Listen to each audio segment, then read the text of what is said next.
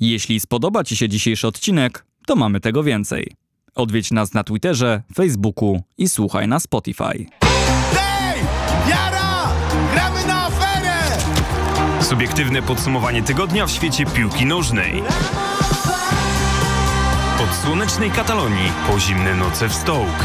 W każdą środę po 18.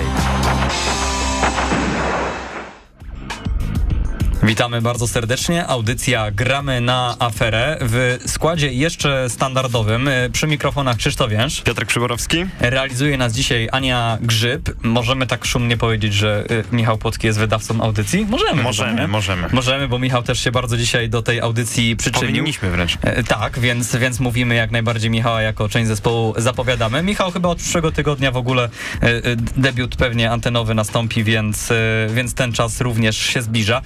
Dzisiaj temat audycji poważny. Dzisiaj temat naprawdę poważny, myślę, że zdecydowanie bardziej niż zwykle w naszej audycji mówimy, dlatego że e, stwierdziliśmy, że poruszymy temat, który od już jakiegoś czasu tak naprawdę przypadki właśnie tego tematu pojawiają się w świecie piłki nożnej. Szczególnie w Premier League, ale to wynika być może ze faktu medialności tej, tej ligi. Pewnie w innych ligach też takie przypadki niestety są i istnieją, ale mniej się o nich po prostu słyszy. Tak jest, e, dlatego też e, stwierdziliśmy, że no już mówiąc e, wprost, porozmawiamy o przypadkach e, przemocy seksualnej w świecie piłki nożnej wobec e, kobiet.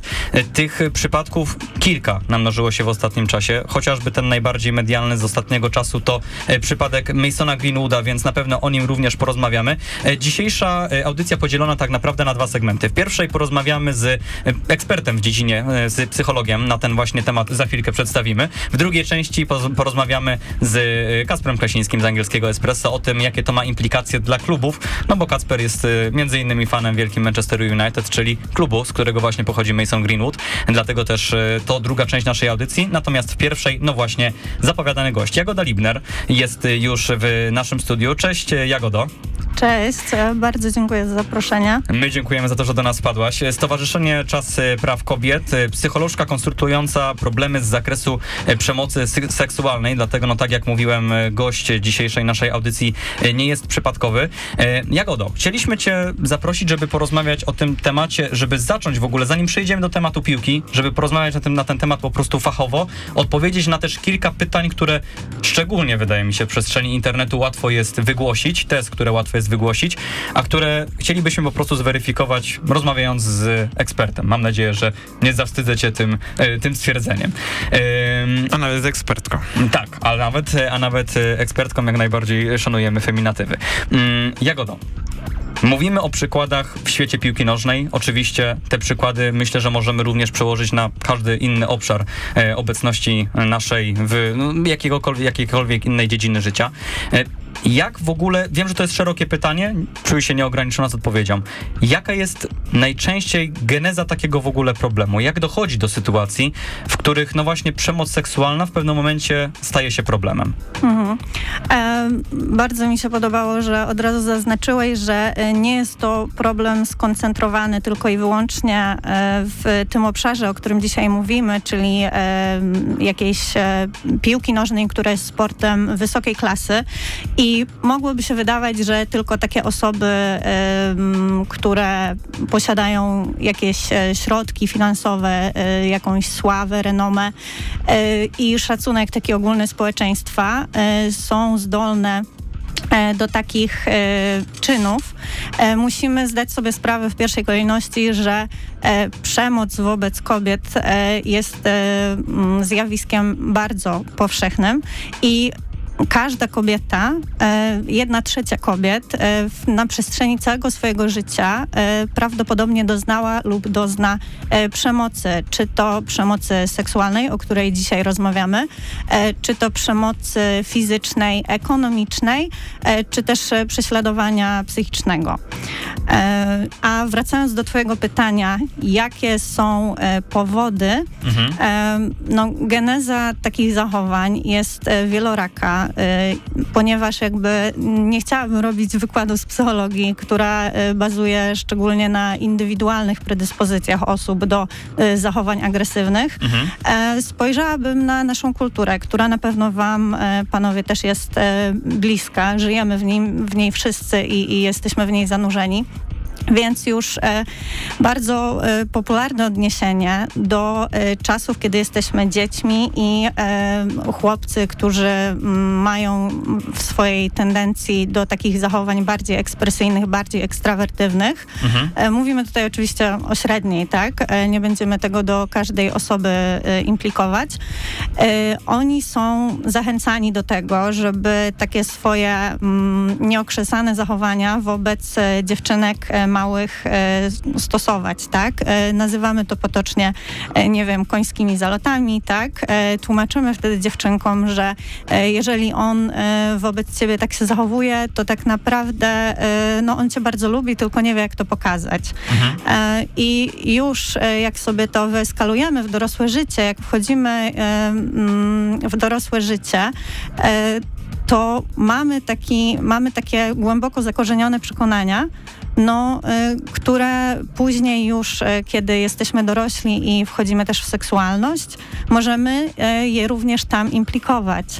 Mm, Inne rzeczy, które, które mm, z tą przemocą i z jej genezą są związane, no to też taki obraz, obraz męskości, która musi przede wszystkim być władcza, agresywna i która, że tak powiem, nie bierze jeńców. E, I mm, w tym zakresie też e, ciężko jest e, nam sobie to jakoś racjonalizować i, e, i jakby uchronić się przed tym przekonaniem, że, no, że jakby nie powinniśmy tak postępować.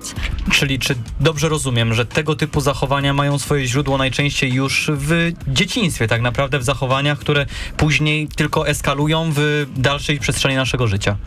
Tak, jak najbardziej. A jeżeli też skłonimy się na chwilę ku tym indywidualnym predyspozycjom, no to e, są takie rzeczy jak e, zdolność do kontroli impulsów, zdolność do jakby e, sublimacji, czyli obrabiania naszych emocji i wyrażania ich w inny sposób, na przykład słowami, czy Mhm. jakimiś powiedzmy, mówi się często tak, że na przykład artyści nie są w stanie wyrazić swoich emocji inaczej niż przez, nie wiem, tworzenie sztuki.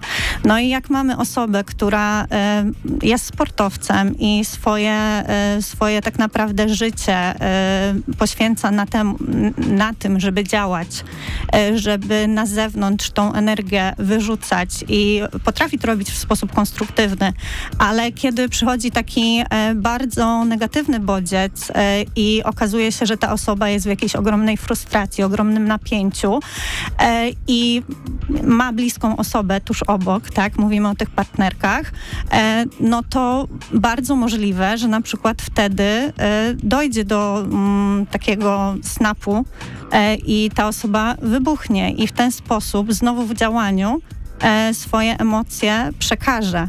I mówimy tutaj wtedy o bardzo jakby niekonstruktywnym e, sposobie ich wyrażania Mhm. i też e, braku próby jakby zrozumienia, skąd one pochodzą. Obarczamy wtedy kogoś, że zupa była zasłona, dlatego jakby tak się stało, prawda? Wspominasz o tym, że to jest y, wynik też między innymi presji nałożonej na, jeśli mówimy o tych indywidualnych y, predyspozycjach na, na daną osobę, co tak y, ciekawie składa się właśnie akurat w tym kierunku piłkarskim, no bo tutaj oczywiście w przypadku tego najwyższego poziomu mówimy o no, najwyższym chyba rodzaju presji, bo każdy, kto mówi o tym, że tylko pielęgniarka w szpitalu ma, ma presję, to absolutnie nie ma pojęcia o tym, o czym mówi, więc to jest jeden z tych warunków. Drugi, o którym mówiłaś, to, że można po prostu nie nauczyć się odczuwania tego typu y, uczuć, po prostu okazywania ich w ten sposób.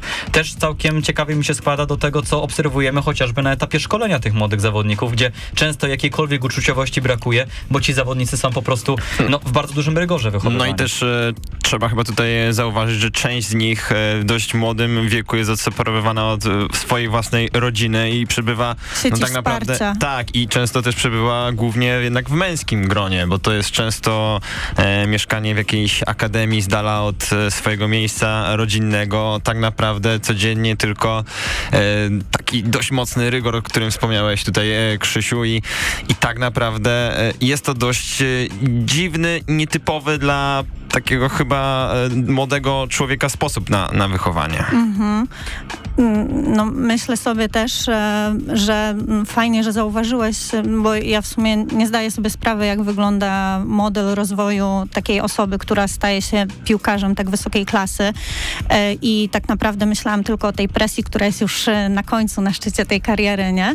A tak naprawdę to, że oni mm, no, tracą tą sieć wsparcia, jednocześnie mm, mają jakieś naprawdę horrendalne e, wymagania no, sami od siebie, od klubu e, i e, poczucie wtedy jakiegokolwiek lęku mogłoby być dla nich rozbrajające, e, jeżeli szczególnie nie, nie, nie zostali gdzieś tam nauczeni wcześniej sobie z nim radzić. A właśnie odpowiedzią na lęk bardzo często jest agresja i tak, tak zwany w psychologii acting out, czyli po prostu wyrzucanie tego z siebie w najróżniejsze, w najróżniejsze sposoby. Wspomniałeś tutaj o tych wymaganiach wobec siebie, ale też wobec innych. E, No mówiliśmy tutaj na samym początku, wspomnieliście właściwie o tym, że to nie jest oczywiście tylko problem piłki nożnej, bo z tą przemocą e, seksualną mamy do czynienia niestety e, no tak naprawdę w, na każdych płaszczyznach naszego życia i w różnych e, środowiskach. No ale jednak piłkarze nie tylko są najbardziej na świeczniku, ale też e, ze względu na tą swoją medialność, medialność całego futbolu, e, no jednak zdają sobie sprawę z tej swojej mocy, z tej swojej e, siły i no czasem niektórzy mają tak, że wydaje im się, że to im się po prostu należy i to też niestety chyba może e, przybrać czasem nie tylko skutek ostrych negocjacji odnośnie nowego kontraktu, ale też właśnie takich e, relacji międzyludzkich. Mhm. E, Że im się należy i może, że im się upiecze. Dokładnie.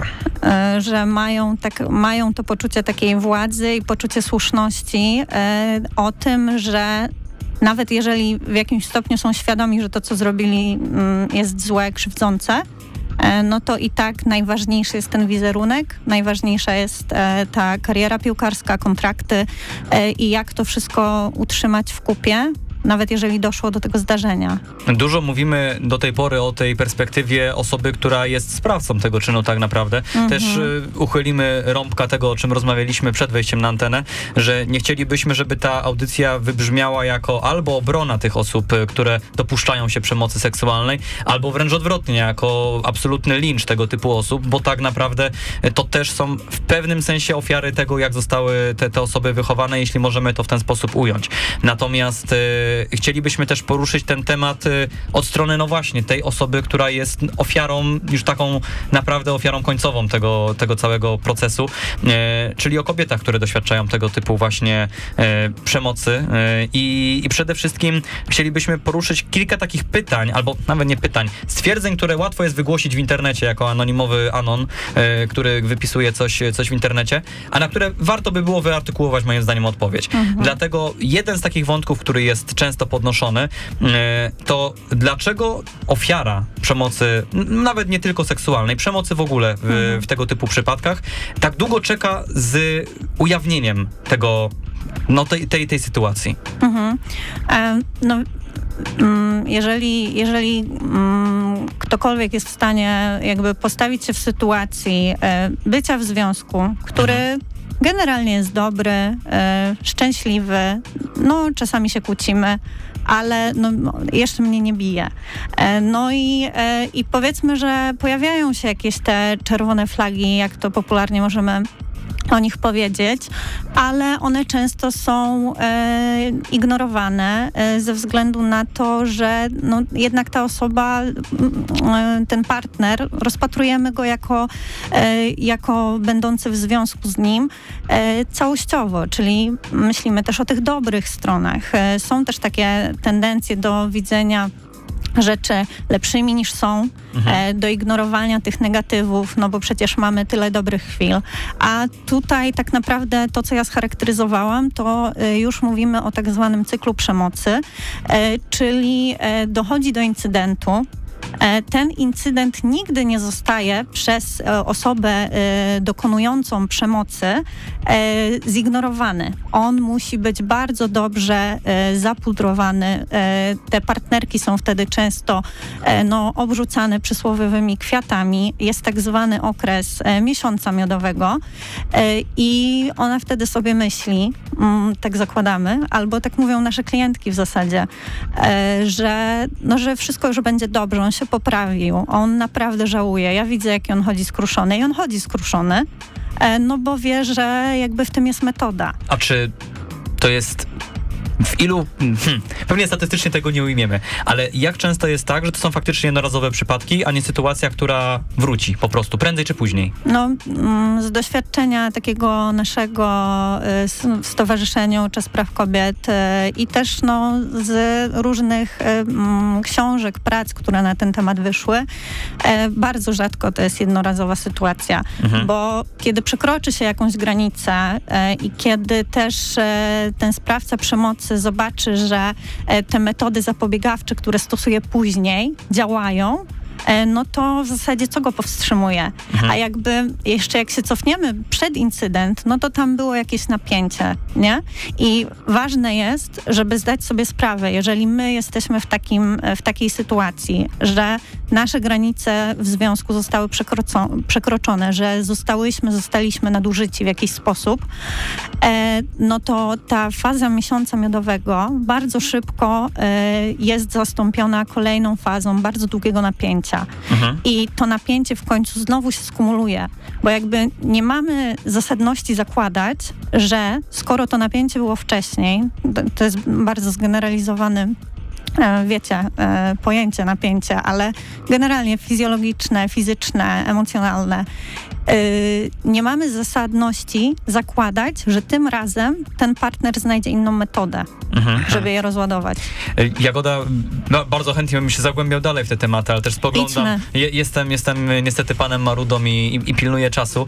Y, tym bardziej, że naprawdę tych jakby stereotypowy, stereotypowego myślenia jest naprawdę dużo. Kolejnym takim wątkiem, który często się, się przewija, jest pytanie, dlaczego najczęstszą reakcją, właściwie taka reakcja, Dlaczego najczęstszą taką reakcją jest e, właśnie na informacje o gwałcie czy o molestowaniu mm, przez kogoś sławnego, nie tylko, nie tylko przez piłkarza, jest sugerowanie, że albo, że ofiara po prostu ma w tym jakiś swój interes, mhm. że próbuje wyłudzić pieniądze, zdobyć sławę, wybić się, mhm. tego typu wątki. Dlaczego to się tak często pojawia?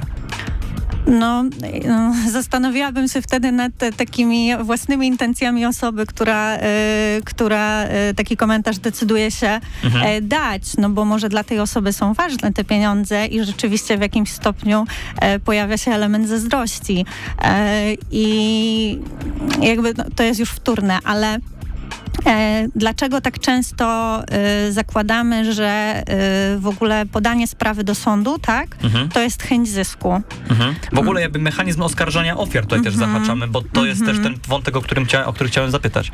No, mamy też te takie kolektywne przekonania, które są bardzo dla ofiar takich sytuacji trudne do mamy, mamy te kolektywne przekonania, które, y, które mówią na przykład, że y, ta osoba się o to prosiła, tak? Albo w ogóle to, dlaczego to trwało tyle lat mhm. Y, i ona nie zrobiła tego wcześniej, nie odeszła i tak mhm, dalej. Mhm. A statystycznie kobieta, która doznaje przemocy w związku, e, dopiero za około siódmym razem jest w stanie odejść.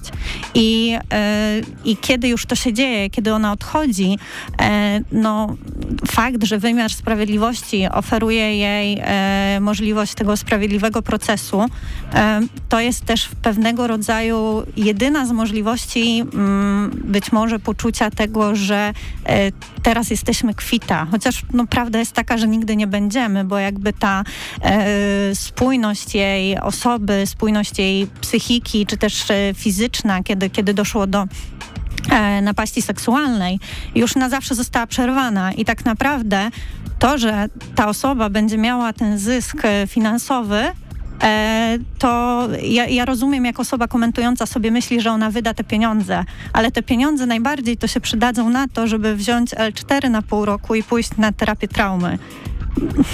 Więc e, pytanie, czy chcielibyśmy się zamienić miejscami. Mhm. Tutaj e, wspominamy o e, tych przypadkach w świecie futbolu, o których pewnie już stricte pod względem piłkarskim porozmawiamy też później e, z Kasprem, ale jednak jak patrzymy sobie na te sprawy Adama Johnsona, Benjamina Mendiego, e, nawet Cristiano Ronaldo czy Masona Greenwooda, mm, czy też ostatnio do niego Alvesza, to tutaj też trzeba mieć na uwadze e, to, że tymi ofiarami nie zawsze są te najbliższe partnerki, bo czasem są to no, nie chcę powiedzieć, że przypadkowe osoby, na które te, te, ci piłkarze napotkali, ale no, osoby poznane w klubie, czy gdzieś, e, mhm. czy gdzieś na wakacjach, więc to też zawsze nie jest tak, że jakby ta ofiara doskonale nas, e, ta ofiara doskonale zna tego, e, mhm. tego sprawcę.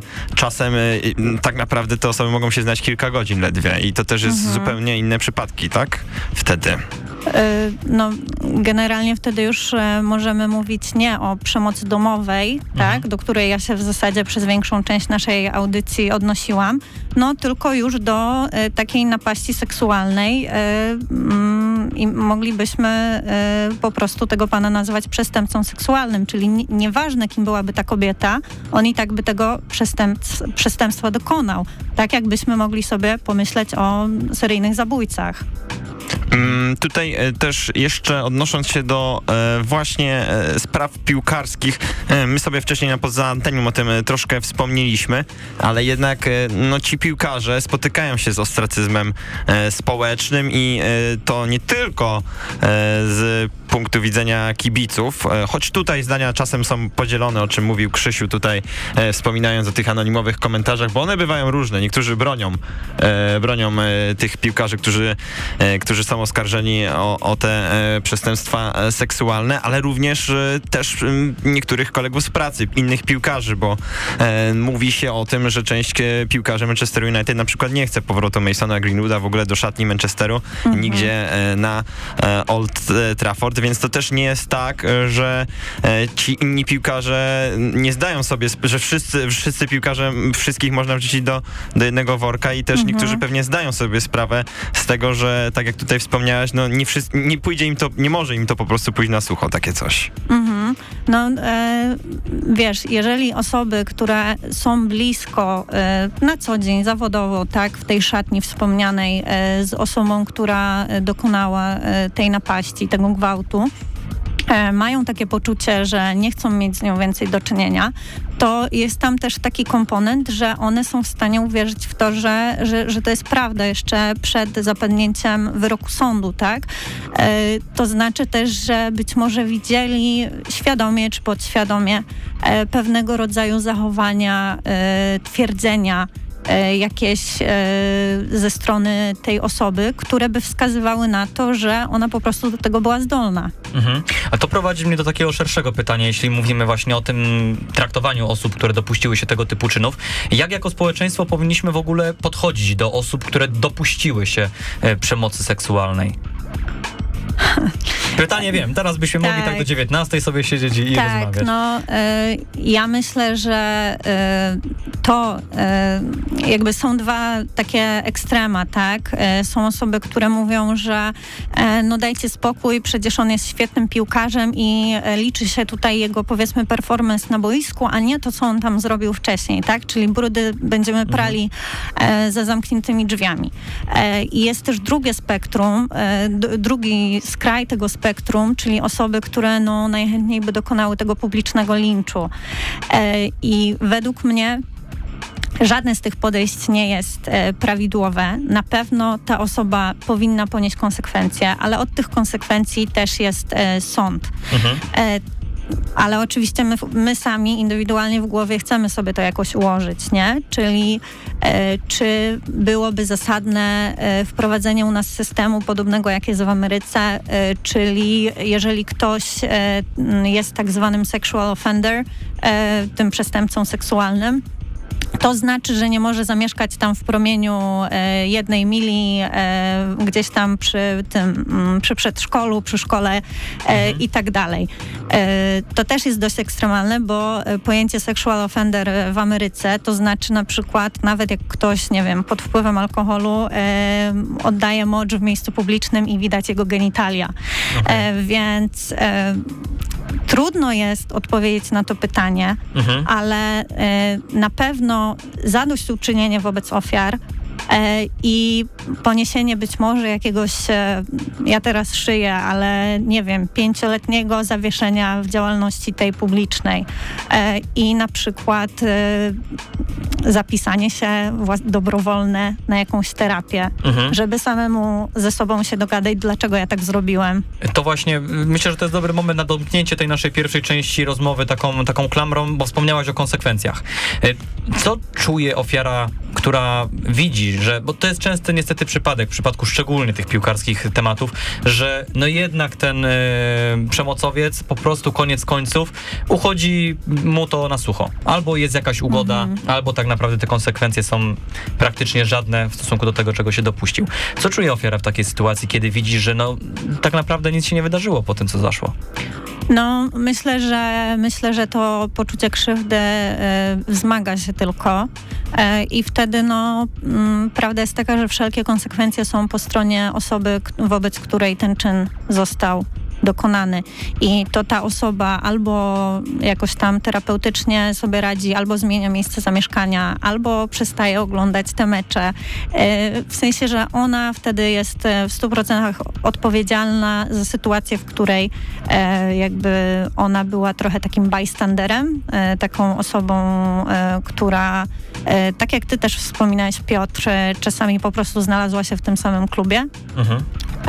No i e, no i tyle, nie? Mhm. No, myślę, że... Myślę, że myślę, że to jest trudne widzieć po prostu osobę, która e, tak, tak cię skrzywdziła po prostu na telebimach, na reklamach, e, być po prostu otoczony, otoczoną e, czy otoczonym nieustanną jakby narracją na temat tej osoby i, i, i widzieć, że po prostu ludzie udają jakby nic się nie stało, nie? Mhm. Wtedy też jest takie w ogóle zaprzeczenie swojego doświadczenia, że jakby, czyli, jak, czyli ja nie mam prawa jakby czuć tego, co czuję, czuć się, nie wiem, e, nadużyta, skrzywdzona i, i po prostu zraniona tym wszystkim, co się stało. Mhm. Jagoda, y, wielkie dzięki przede wszystkim, że pojawiłaś się u nas w studiu. Y, chciałbym domknąć w sumie ten, ten wątek, bo wiele rzeczy, które dzisiaj y, powiedziałaś mi bardzo trafiły jakby do, poszerzyły moją świadomość, więc super, że, że poruszyliśmy te, te tematy. Natomiast pomyślałem, że no właśnie, może jeśli ktoś z naszych słuchaczy, w większości widzimy po statystykach, że, że to są mężczyźni, natomiast no może faktycznie tak jak tutaj mówimy o tym, że szatnia United nie chce mieć za bardzo do czynienia z Greenwoodem, może widzimy tego typu sytuacje w swoim otoczeniu. Jak pomagać Jestem takiej osobie przekonana. i jak pomagać takiej osobie, gdzie się zgłosić może po prostu w takim przypadku? Tak, no więc e, panowie, jeżeli słyszeliście, że wasza znajoma miała jakieś e, no, nieprzyjemne doświadczenie, e, albo nawet usłyszeliście od swojej dziewczyny, bo kobiety z reguły wolą się tym dzielić powiedzmy w swoim gronie, tak? I zdarzy się, że koleżanka waszej dziewczyny jej powiedziała, Mhm. to wy już możecie podsunąć jej numer e, 577 998 112. To jest numer naszego e, Stowarzyszenia Czas Praw Kobiet, e, które działa w Poznaniu i pomaga e, kobietom, które doświadczyły przemocy lub ich prawa są łamane. Zajmujemy się tak naprawdę pełnym spektrum przemocą psychiczną, fizyczną, ekonomiczną i, e, no i przede wszystkim świadczymy tą pomoc darmowo. To są porady prawne, konsultacje psychologiczne, grupy wsparcia i różne też aktywizacje artystyczne, które, że tak powiem, mają pomóc e, powrócić do takiej e, zwykłej codzienności i radości.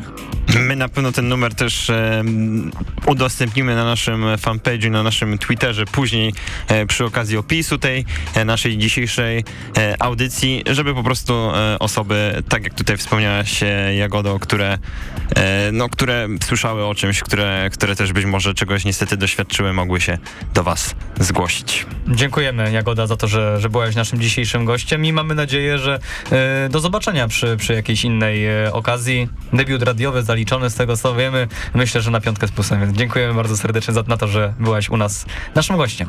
Dzięki Naszą, panowie. naszą gościnią, powinienem powiedzieć. naszą gościnią. Dzięki panowie. No, y, taki debiut z wami naprawdę bardzo komfortowa sytuacja, także y, dziękuję bardzo i mam nadzieję, że, że ktoś, e, ktoś, kto potrzebował e, to usłyszeć, to nas usłyszał e, i że osoby inne trochę poszerzyły swój punkt widzenia. Jagoda Libner e, ze Stowarzyszenia Czas Praw Kobiet e, była naszym pierwszym gościem, gościnią, ale nie ostatnim dzisiaj. Tak jest, bo debiutu na pewno nie będzie miał Kasper Klasiński z angielskiego Espresso, który za chwilę pojawi się w naszych, tak, właśnie, e, który za chwilkę pojawi się w naszym studiu i tutaj już porozmawiamy w tej drugiej części naszej audycji e, bardziej o tych przypadkach piłkarskich, o tym, jakie to ma implikacje chociażby dla klubów, które są em, pracodawcami tego typu e, właśnie panów, którzy dopuszczają się tego typu czynów. E, bądźcie z nami, tutaj oczywiście audycja Gramy na aferę. Radio Afera rokowo i alternatywnie.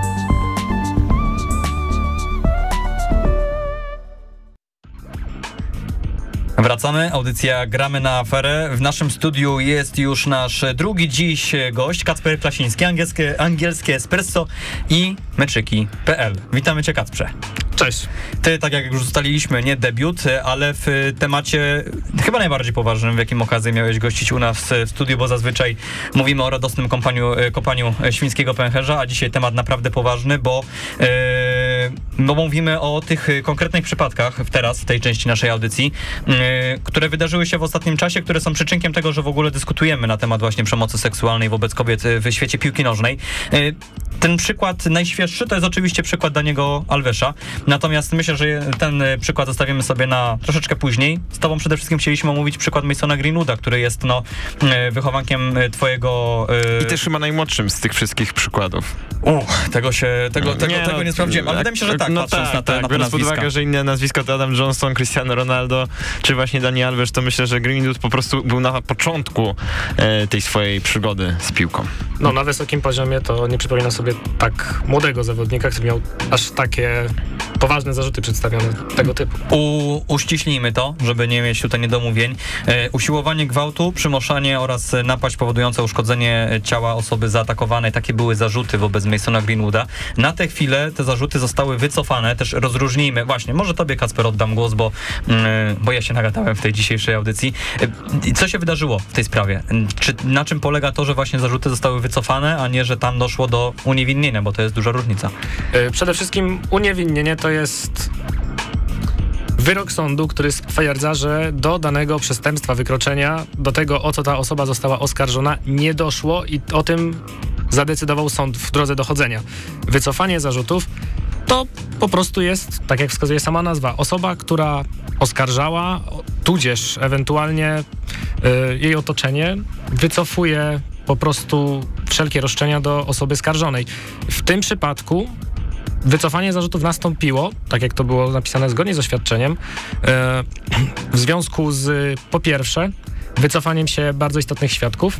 Tu by należało się domyśleć, że chyba tu mowa o samej Harriet Robson, czyli partnerce Masona Greenwooda oraz, o czym dosyć mało się wspomina, e, pojawieniu się nowych dowodów. Tylko nikt nie wie, o co z tymi dowodami chodzi i dlatego też ta sprawa jest e, bardzo trudno jest sympatyzować z Masonem Greenwoodem e, w całej sytuacji, bo przypomnijmy, że kiedy wypłynęły oskarżenia, to one wypłynęły razem z materiałami filmowymi i z materiałami dźwiękowymi, które no dość jednoznacznie wskazywały na to, że jednak tam do nadużyć, do przemocy, czy to słownej, czy przemocy fizycznej, tam dochodziło i to dochodziło niejednokrotnie. I to są takie rzeczy, które raczej wskazują na to, że Mason Greenwood naprawdę ma dużo za uszami i to dużo rzeczy naprawdę poważnych, rzeczy powiedziałbym wręcz haniebnych, nawet z perspektywy, tak jak wiecie, kibica Manchester United, no ja powiem szczerze, trudno mi sobie wyobrazić, żeby on wrócił na boisko. No ale wracając do meritum, nie wiemy i czym są te dodatkowe dowody. Gdyby one zostały no może opublikowane, może gdyby ktoś opowiedział, e, no bo wiadomo, opublikowanie dowodów to nie jest taka sprawa, która się stanie. E, gdyby ktoś powiedział chociaż o co chodzi, gdyby to zostało potwierdzone, mogłoby to troszkę zmienić e, to, jak my patrzymy na sprawę. Aczkolwiek dopóki to się nie stanie, to jednak Mason Greenwood w oczach zdecydowanej większości piłkarskiego środowiska jest persona non grata i trudno się raczej dziwić. No właśnie, a jak on sam reaguje na to? Czy ty w ogóle spotkałeś się z jakimkolwiek jego stanowiskiem w, tej, w tej sprawie? No, na razie Mason Greenwood to jest chyba dość mocno zdystansowany od mediów. Jedyne co wiem, to, że podobno skontaktował się z nim Erik Ten Hag, prowadzący Manchester United. E, Podobno to jest w ogóle pierwszy bezpośredni kontakt y, osoby z klubu z Masonem Greenwoodem e, od momentu, w którym został chyba aresztowany. Mm, ma na myśli tutaj bezpośrednio takiego pracownika od pionu sportowego, bo tak to wszystko mhm. to było poprzez pośredników, poprzez chyba mam wrażenie, że instytucje prawne, przez reprezentantów, yy, wszystko było tutaj prowadzone, a aktualnie Erik Ten Hag wyszedł do niego z pytaniem o to, jak się, jak się Mason Greenwood czuje w zaistniałej sytuacji. Podobno sam zawodnik też jest z tego dosyć y, zadowolony, aczkolwiek y, sam Erik Ten Hag też wyjaśnił, że to nie od niego zależy to, czy Mason Greenwood jeszcze dla Manchester United zagra, bo to raczej no na pewno sądzę. To jest decyzja osób zdecydowanie wyżej y, postawionych, bo decyzja o tym, żeby ewentualnie on wrócił do, do składu, żeby on wyszedł na boisko, to już jest coś, co będzie naprawdę poważnie rzutować na wizerunek klubu, który jest gigantyczną firmą i to są nie tyle miliony, co miliardy kibiców prawdopodobnie, znaczy miliardy osób, które wiedzą o czym mowa i tutaj naprawdę to może mieć poważne, bardzo duże znaczenie dla firmy. No to dobry przykład tego mieliśmy przed rozpoczęciem tej audycji Jagoda, która no nie interesuje się zupełnie tematem piłki nożnej i mówimy jej o tych przykładach, które będziemy dzisiaj omawiali. Jagoda mówi Manchester United, no tak, to kojarzę. Więc rzeczywiście, tak jak mówisz, czy w ogóle klub może rozważać coś takiego, żeby, czy w ogóle jest sens jakby przewracania takiego zawodnika jak Mason Greenwood? Przecież y, to nie jest y, no jednak tak rozpoznawalna osoba. Zastanawiam się też, dążę do takiego pytania, z czego może wynikać w ogóle ten kontakt y, Rika Tenhaga? Jaki to jest jakiś cel tego, żeby tego Masona Greenwooda w jakiś sposób aktywizować, z nim rozmawiać na ten temat?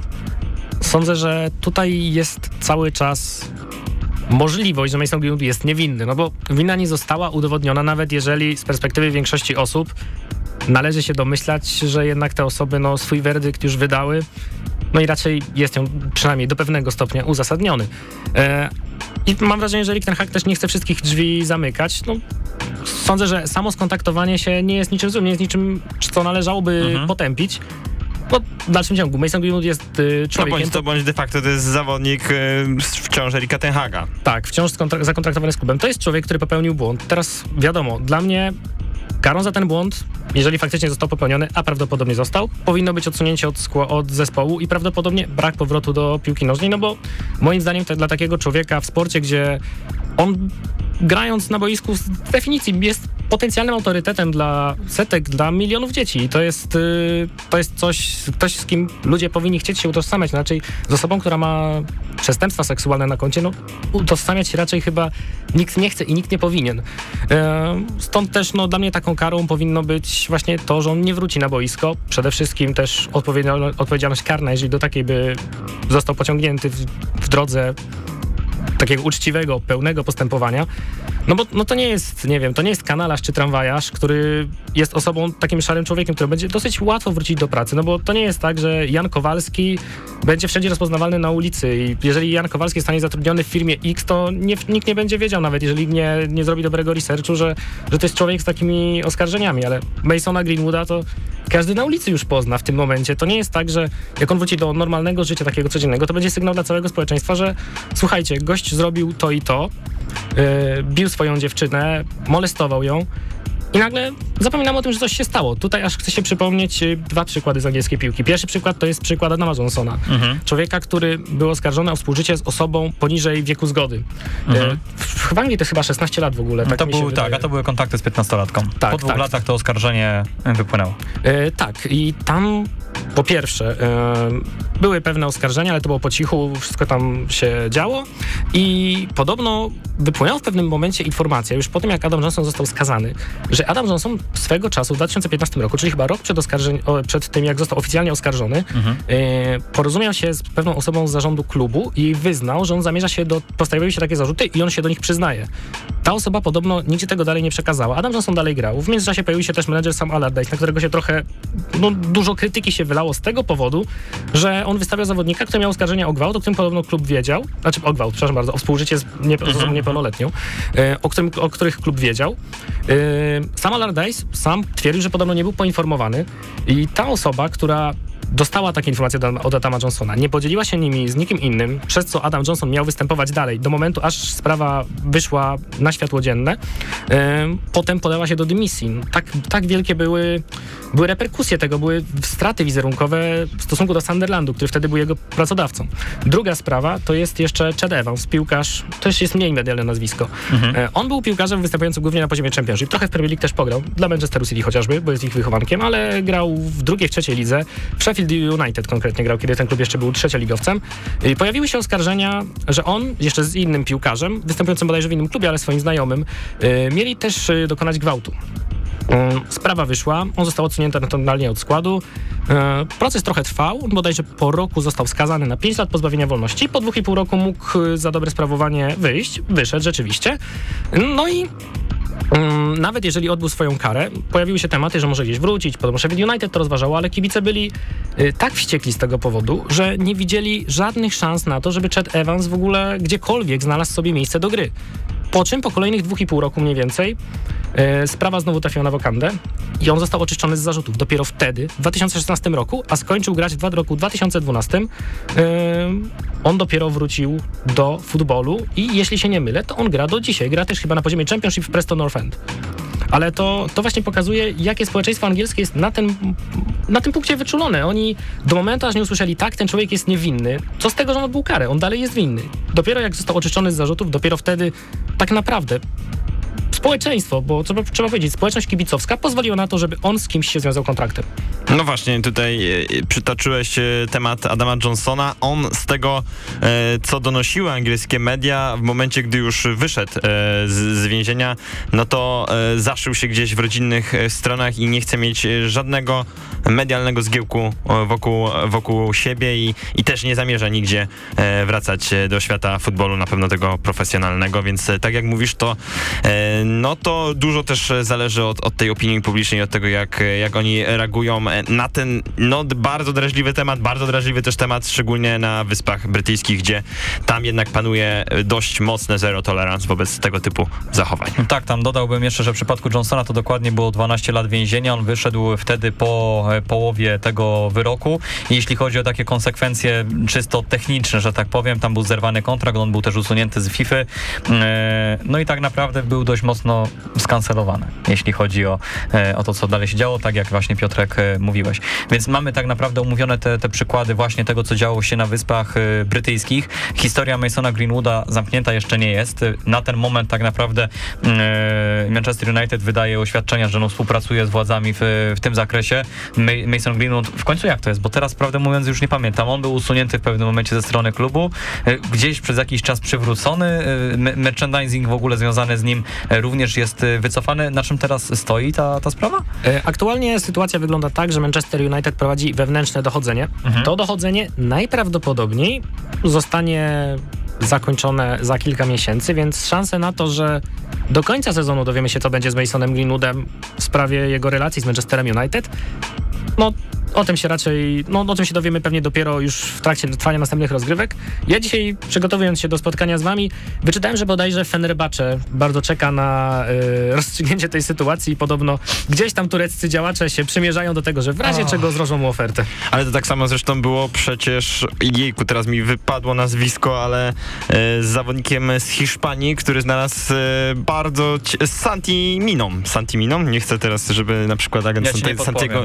Tak, Santi Miną, nie chcę żeby teraz agent Santiago Miny nagle wysłał nam pozew tutaj, e, że oskarżam jego klienta, ale Spokojnie już e, tenże napastnik Celty Vigo e, również e, został oskarżony o mm, gwałt bądź usiłowanie gwałtu wraz ze swoim kolegą z jakiegoś drugoligowego hiszpańskiego, tak, Santimina, drugoligowego hiszpańskiego zespołu podczas, podczas wakacji. On został, on, on te, to postępowanie wobec niego się toczyło zresztą zresztą e, niedawno, bo, bo to jeszcze w grudniu dość, e, dość świeża, e, świeża sprawa.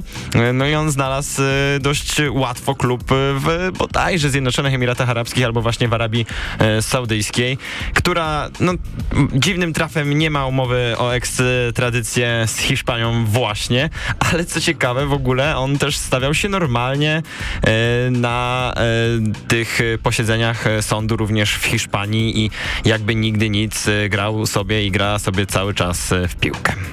Więc nie tylko w Anglii takie sytuacje. Tak, z tych ostatnich przykładów mamy też e, jeszcze właściwie dwa e, wynotowane, jeśli chodzi o to, co, co się działo w ostatnim czasie, bo mamy też, no właśnie ten przykład, od którego troszeczkę wyszliśmy i który w zasadzie jest najświeższy, czyli przykład Daniego Alvesa, on został oskarżony również o e, napaść seksualną, natomiast tam sprawa tak naprawdę jest w, w trakcie procesu. Wszystko wskazuje na to, że raczej no, będzie skazany Daniel Alves, natomiast jeszcze, jeszcze ten wyrok nie, nie zapadł koniec końców. Konsekwencja wobec niego jest taka, że ten kontrakt został e, przerwany. No i przykład też, który nie do końca jeszcze jest wyjaśniony, a który jest troszeczkę z innego spektrum, bo e, Benjamin Mendy, o którym też wspomnieliśmy w pierwszej części naszej audycji, to jest przykład zawodnika z tej niebieskiej części, części Manchesteru, e, który również jest oskarżony o, o przemoc seksualną. Tutaj mamy du, dużo szerszy kaliber tak naprawdę, bo to jest e, 8 gwałtów na, na czterech e, kobietach. E, również e, próba napadu seksualnego, próba gwałtu. I już też jest w kilku tych przypadkach uniewinniony. Ta sprawa również jest w toku. Jeszcze się toczy przeraża tak naprawdę ogrom tego, ile tych spraw wypływa w ostatnim czasie i człowiek się zastanawia, czy to jest tylko wierzchołek góry lodowej i czy będziemy obserwowali kolejne takie przypadki w najbliższym czasie. Wiem, że to jest pytanie, które tak naprawdę nie znajdzie pewnie odpowiedzi w naszej dzisiejszej audycji, ale chciałem je rzucić weter po prostu. Mam wrażenie, że w, tym, żeby takie sprawy nagłaśniać, pomaga trochę rozwój mediów społecznościowych i tego typu kanałów, które też ułatwiają op- wypłynięcie pewnych sytuacji, nawet y, niekoniecznie z inicjatywy osób zaangażowanych w całe zdarzenie, też osób, które są jakimiś postronnymi świadkami. Y, ja chciałem przypomnieć też o sytuacji z Gilfim Sigurdssonem, piłkarzem, No który... tak, właśnie. Tutaj też mamy przykład y, właśnie... Zapadł się po ziemię w pewnym momencie. Tak, Cały czas. Współżycia, czy też posiadania, mam wrażenie, chyba materiałów albo zdjęciowych, albo filmowych z osobami nie, poniżej wieku, Tam na tak, pewno poniżej, poniżej wieku tak, na pewno wchodził ten, zaraz sprawdzę dokładnie, jakie były te Tak, zarzuty. który, dokład, który też po prostu rozpłynął się i go nie, go nie ma tak naprawdę w przestrzeni publicznej, ale podejście klubów może być inne, bo przecież mamy na przykład y, przypadek Tomasa Parteja, piłkarza, o którym nikt oficjalnie chyba jeszcze w Arsenal nie powiedział, że to o nim była mowa, kiedy tam jednego z piłkarzy ym, chyba zatrzymano nawet, albo, albo chociaż przedstawiono mu jakieś tam względnie zarzuty ym, dotyczące że pojawiła się sprawa, chyba zarzutów mu nie postawiono ze względu na to, że tam mniej więcej gdzieś jakaś nowelizacja prawa wchodziła. Yy, on się dokonał prawdopodobnego mm, nadużycia seksualnego w Hiszpanii na wakacjach przed startem sezonu, no ale aktualnie cały czas gra.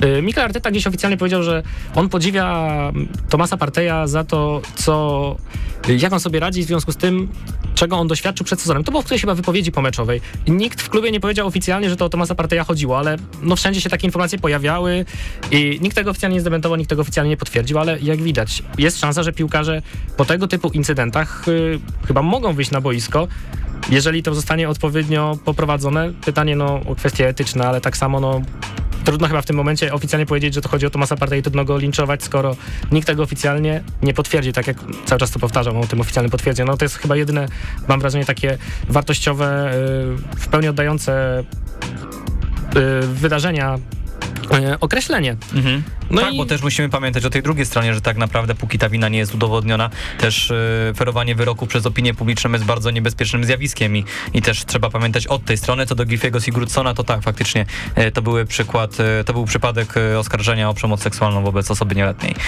Tak, i ja chciałem tylko właśnie zwrócić uwagę na to, że są bardzo różne podejścia, no bo Arsenal, pojawiły się jakieś oskarżenia, ale żadne nazwisko nie wypłynęło.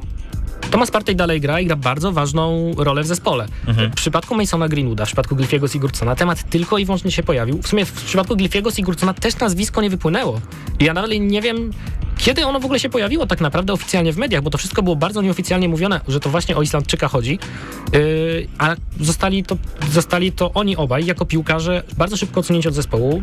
Tak naprawdę zniknęli po prostu gruba krecha w pewnym momencie postawiona i Z prostu Mendim chyba też było podobnie, z Tak, tak. E, więc- A mi się jeszcze przypomniało, a propos w ogóle szukania, wiecie, bezpiecznego przystanku dla osób e, skazanych za różne rzeczy. Nie wiem, czy wiecie, był taki piłkarz holenderski, Rai Vlet się nazywał, e, który będąc piłkarzem Heraklesa Almelo spowodował śmiertelny wypadek, chyba pod wpływem alkoholu, jeżeli się nie mylę.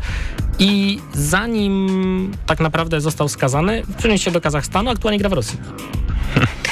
Jeśli mielibyśmy teraz wejść jeszcze na temat e, jazdy pod wpływem alkoholu, to tutaj też mielibyśmy pewnie kilka przykładów takich zawodników, którzy tego, czynów się, tego typu czynów się, się dopuścili. Ale to od razu zdradzimy, że już niedługo u nas powróci temat e, Rosji i rosyjskiej inwazji e, na naszych wschodnich sąsiadów, czyli na Ukrainę. Tak, w sumie powiedzmy to od razu, bo tak naprawdę patrzę na zegar, musimy kończyć naszą dzisiejszą audycję, więc zapowiedzmy, że w tym lub w przyszłym tygodniu prawdopodobnie jeszcze nie wiemy, kogo będziemy W gościć w tym tym, lub w temacie. przyszłym, w przyszłym. Przepraszam, w przyszłym lub jeszcze następnym.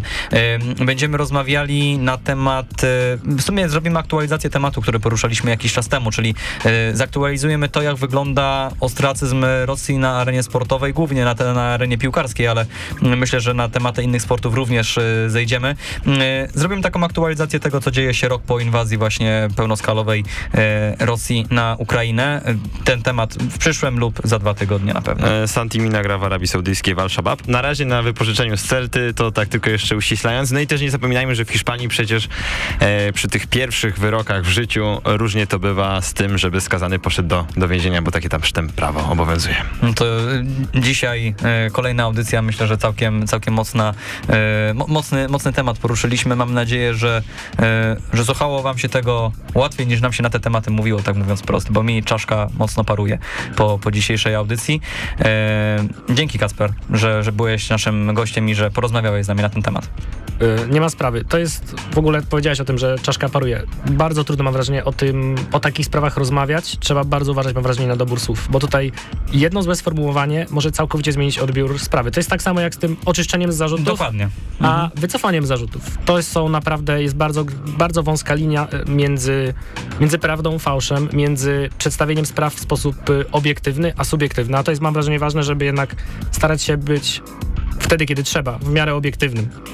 Jeśli dos- dosłyszeliście tutaj w naszej, w naszej dzisiejszej audycji jakieś nieścisłości, to śmiało w komentarzach w mediach społecznościowych, tam gdzie będziecie tę audycję widzieli, śmiało dawajcie znać. I jeszcze raz Kacper Klasiński, e, meczyki.pl oraz Angielskie Espresso był, był e, waszym i naszym e, I- gościem. Radio 357, to też mogę od razu powiedzieć. Ty będziesz zaraz miał taki, taki tytuł, stopka na 3, na 3 centymetry. No ale już warto wspomnieć, co nie? No, Nie, no pewnie, gratulujemy. Nie No, szczególnie nie wiedziałem. konkurencji, prawda? Oczywiście, ale kłaniamy się nisko. Y, Krzysztof Więż przy mikrofonie dzisiaj. Piotrek Przyborowski. Michał Płocki był wydawcą dzisiejszej audy- audycji, y, a Ania Grzyb ją realizowała. No i Dziękujemy. Jagoda Libner była naszym e, pierwszym z dzisiejszych gości. Tak jest, dokładnie. Dziękujemy za dzisiejszą audycję i słyszymy się za tydzień. Do usłyszenia i pamiętajcie, ten odcinek będzie już niedługo na Spotify i innych serwisach streamingowych, a my jesteśmy na Facebooku i Twitterze. Do usłyszenia.